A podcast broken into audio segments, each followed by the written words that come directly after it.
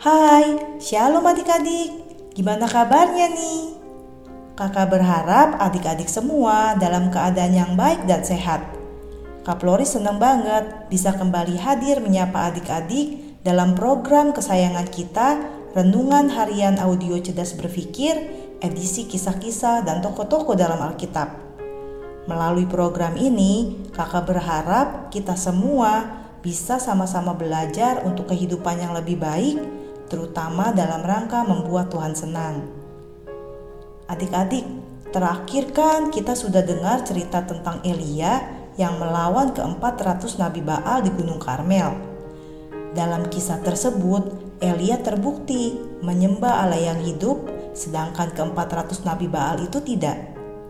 Dan pada akhirnya, keempat ratus nabi Baal tersebut tewas terbunuh sebagai konsekuensi dari apa yang sudah mereka lakukan. Raja Ahab pun menceritakan kepada Isabel, istrinya, tentang apa yang telah dilakukan Elia di Gunung Karmel dan soal keempat ratus nabi Baal yang tewas. Hal tersebut bikin Isabel marah dan berniat untuk membunuh Elia. Dan karenanya Elia menjadi takut. Hmm, lucu juga ya. Padahal Elia begitu beraninya melawan keempat ratus nabi Baal. Tapi dia kok bisa takut sama Isabel? Ya, memang begitulah manusia kalau nyawanya sedang terancam. Elia pun melarikan diri dan singkat cerita dia pun tiba di Gunung Horeb.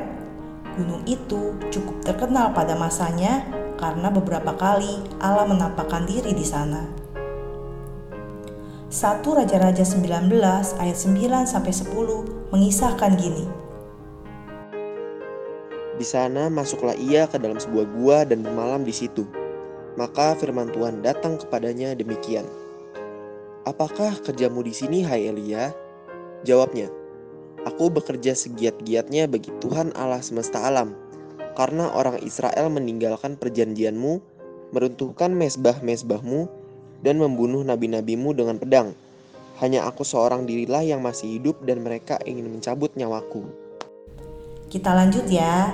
1 Raja-Raja 19 ayat 11 sampai 13 melanjutkan kisahnya gini.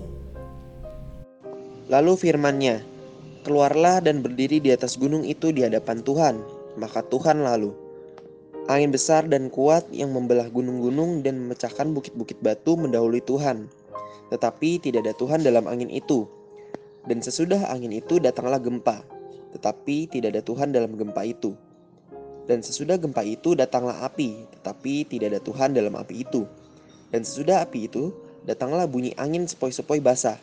Segera sesudah Elia mendengarnya, ia menyelubungi mukanya dengan jubahnya lalu pergi keluar dan berdiri di pintu gua itu. Maka datanglah suara kepadanya yang berbunyi, Apakah kerjamu di sini, hai Elia? Mengenai detail dan kelanjutan kisahnya, adik-adik bisa baca di 1 Raja-Raja 19 ayat 6 sampai 18. Yang mau kakak bahas hari ini tuh gini adik-adik. Ternyata kalau berurusan dengan Tuhan tidak selalu dihubungkan dengan hal-hal yang secara teknis terkesan spektakuler. Misalnya nih, kalau ngomongin soal kehadiran Tuhan ketika kita sedang beribadah atau mengikuti suatu kebaktian, kita tidak perlu berpikir bahwa kehadiran Tuhan itu ditandai dengan manifestasi tertentu. Kayak harus ada perasaan damai dan semacamnya, terjadi mukjizat kesembuhan dan semacamnya, atau yang lainnya. Kehadiran Tuhan tidak selalu dan tidak perlu selalu ditandai dengan hal yang seperti itu adik-adik. Dengan atau tanpa hal-hal tersebut, Tuhan tetap hadir di ibadah yang kita ikuti. Makanya, Pas kita sedang mengikuti suatu ibadah, kitanya harus sungguh-sungguh. Dengarkanlah firman Tuhan dengan sungguh-sungguh. Oh iya, bagi adik-adik yang bergereja di gereja yang ibadahnya lebih ekspresif, kayak tepuk tangan, menangis, dan berusaha mewujudkan kuasa Tuhan, adik-adik jangan memandang rendah teman-teman yang bergereja di gereja yang ibadahnya tenang, tidak ada tepuk tangannya. Adik-adik tidak boleh berpikir seperti ini. Beribadah di sana mah nggak oke, nggak ada roh kudusnya, gitu-gitu aja. Kalau adik-adik berpikir seperti itu, itu sama artinya dengan menghina kehadiran Tuhan. Sekali lagi kakak mau bilang nih, Tuhan itu hadir dengan atau tanpa hal-hal spektakuler. Ada lagi nih, mungkin pas kita lagi berdoa, kita tidak merasakan manifestasi apa pun. Dan itu bikin kita merasa kayak lagi ngomong sendiri gitu pas lagi berdoa. Kita tidak sendirian adik-adik. Tuhan hadir bahkan ketika kita tidak ngerasain kehadirannya. Tuhan bukan hanya hadir, tapi dia juga mendengar doa kita loh. Hmm, kakak jadi ingat apa yang Tuhan Yesus bilang dalam Matius 6 ayat 6. Bunyinya gini.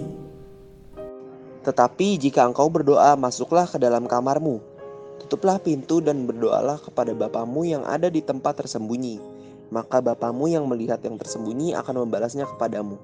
Gampangnya, Tuhan Yesus mau bilang bahwa walaupun Bapa di surga tidak kelihatan, dia mendengarnya. So, yuk kita semakin meningkatkan keyakinan kita kepada Tuhan walaupun dia tidak menghadirkan hal-hal spektakuler. Oke? Yuk kita berdoa. Tuhan Yesus, terima kasih buat kasih setiamu dalam hidup kami. Hari ini kami boleh belajar kembali dari kisah Nabi Elia.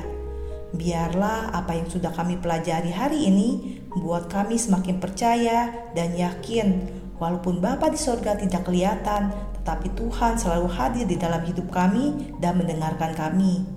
Terima kasih Tuhan karena Engkau selalu baik dalam hidup kami. Biarlah kami juga mau menjadi anak Tuhan yang semakin hari semakin baik di dalam Tuhan. Di dalam nama Tuhan Yesus, kami berdoa dan mengucap syukur. Amin. Oke, sekian dulu renungan kita hari ini. Kak Flori undur diri dulu ya tetap sehat, tetap semangat, dan tetap jadi berkat. Jangan lupa bahagia ya. Tuhan Yesus memberkati. Dadah.